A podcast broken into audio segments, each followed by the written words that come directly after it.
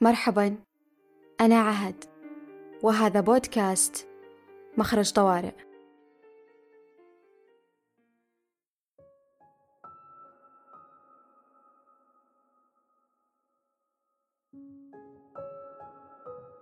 كنت تلك الفتاة التي تسير بجانب الجدار معلنة انسحابها من كل المعارك والتحديات قبل أن تبدأ. كنت ذلك الإنسان الذي يريد فقط أن يلبي احتياجاته متنازلا عن كل ما يرغب. ما دام الطريق إليه يبدأ بالمواجهة. المواجهة لماذا؟ لشيء كنت أجهله. لكني كنت أجد له هيبة في صدري. حتى أدركت لاحقا أنها مواجهات وليست مواجهة ومعارك وليست معركة واحدة فقط. أولها مواجهتي لنفسي ومعركتي مع خوفي. كان الخوف يترصد لي في كل الزوايا وكان الإجراء الوحيد الذي أتخذه هو الهروب. مهما هربت كان خوفي أمامي وبين عيني. كنت أراه حتى وإن أغمضت عيني. وما زاد الطين بالله أني ضيعت معنى الأمان. دفنته مع والدي. لك أن تتخيل عزيزي المستمع عزيزتي المستمعة إحساس الهزيمة المطعمة بالخوف في سبيل الحياة. انهزمت قبل أن تبدأ معاركي لأني كنت أتمسك بأبسط وسائل النجاة. ما دامت المواجهة تعني الموت فلن أقاتل. استمر خوفي بالظهور أمامي متنكرا بأشكال كثيرة. كان متعدد الشخصيات والملامح لكنه بحقيقة واحدة. خوف. خوف من الحياة رغم الرغبة فيها وخوف من الموت وخوف من الوحدة خوف من الفقد خوف من الألم خوف من الفشل خوف من كلام الناس وخوف من المرض. خوف خوف خوف في كل زاوية. استمر بالظهور حتى فقد هيبته أمامي فقررت المواجهة أخيرا. ولا تسألني عما جرى لأنها كانت معركة بكل ما تحمله الكلمة من معنى وألم وجراح ونزيف. كانت سلسلة من المعارك. كنت كلما هزمته في زاوية ظهر متباهيا في زاوية أخرى دون أن يمنحني وقتا للراحة. كانت الأيام تمر علي وأنا مثخنة بجراحي جراح الخوف الذي أثقلني حتى منعني من الحياة. جراحي التي يراها من حولي ندوبا لكنني وحدي أعلم أنها تاريخي. إن كنت تتساءل عزيزي المستمع عزيزتي المستمعة عن نهاية المعركة وتنتظر بشارتي بالانتصار فدعني أقول لك أنه لم يكن سوى وهم عبر من خلالي فلم أعد أخشاه. كان كظل ضخم ينعكس أمامي. ظل لصخرة صغيرة جدا لا حجم لها لولا ضوء الشمس.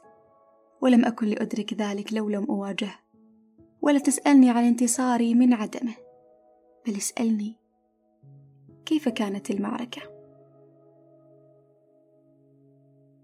أريدك أولا عزيزي المستمع عزيزتي المستمعة أن تتوقف عن جلد ذاتك حالا وأن تتوقف عن رؤيتي بصورة البطلة التي هزمت خوفها. ظنا منك أنني انتصرت هكذا فقط بدون مساعدة. مثلما أن المواجهة شجاعة فطلب المساعدة ممن يستطيعها شجاعة أيضا. إدراك المشكلة نصف الحل أو كما يقال معرفة الداء نصف الدواء. ولأن الخوف وهم كان قد تمكن من عقلي. نعم العقل. صورنا الخوف على أنه شيء خارج محيطنا المادي بينما هو يسكن ويعشعش في عقولنا. في الحقيقة إحدى وسائل العقل لتوفير الأمان هو الخوف. عندما يرى العقل أننا في حالة مواجهة، يبدأ بإفراز مواد من شأنها رفع مستوى التوتر، ويبدأ بجلب الذكريات السلبية لمواقف مشابهة. كل هذا لأنه لا يريد أن يمر بنفس التجربة والألم. عقلك اللطيف بلا وعي يحميك بتخويفك. ويأتي دورك هنا لتكون المتحكم وتقول له عقلي الحبيب أنا بأمان. ما حدث في الماضي؟ يبقى في الماضي. لماذا تقول ذلك؟ لأنك لا تريد للخوف أن يتمكن منك. هنا تكون قد أطفأت الشعلة الأولى للخوف. هذه الحقيقة الأولى عنك. أما الحقيقة الثانية فهي عن الخوف. الخوف وهم يختفي في اللحظة التي تقرر فيها المواجهة.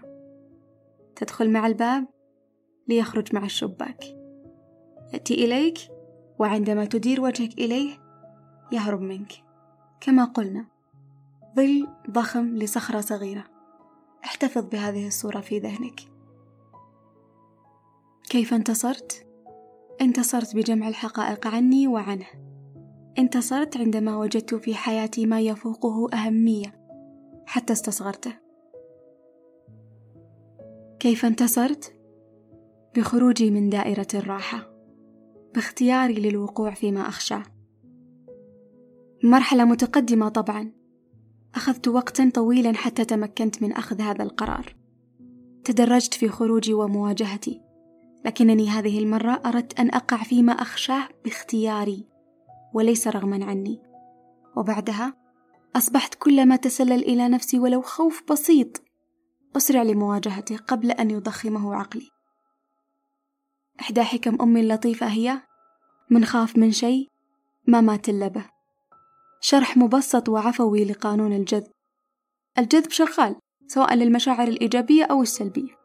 وجملة من خاف من شيء ما مات اللبه هي ببساطة تعني أنك تجذب ما تخشاه. لا أقول تلك الجملة بهدف الإخافة بل بهدف الوعي للخوف عندما يتسلل إلى نفوسنا. يقول علي رضي الله عنه إن خفت شيئا فقع فيه فإن شدة توقيه أعظم مما تخاف منه. أي أن خوفنا وحرصنا على حماية أنفسنا مما نخاف أشد وطئا مما نخشاه أصلا. قد يقول البعض أن الخوف يحمينا لكن خوفك لا يحميك بل معرفتك بما تخاف هو ما يحميك. أي أنك لا تقع في النار لأنك تخاف منها بل لأنك تعلم أنها تحرق. شعور الخوف يحمل رسالة ورسالته هي توفير الحماية. الخوف شعور سلبي الحماية إيجابي. البطل دائما حذر لكنه لا يخاف. كيف انتصرت؟ انتصرت بتعزيز معنى الأمان بداخلي.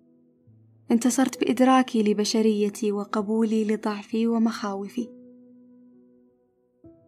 تقول الحكمة القديمة دق الخوف الباب. ففتح الإيمان وعندها لم يجد أحدا في الخارج. وعلى الطرف الآخر من الخوف تكمن الحرية. في حفظ الله.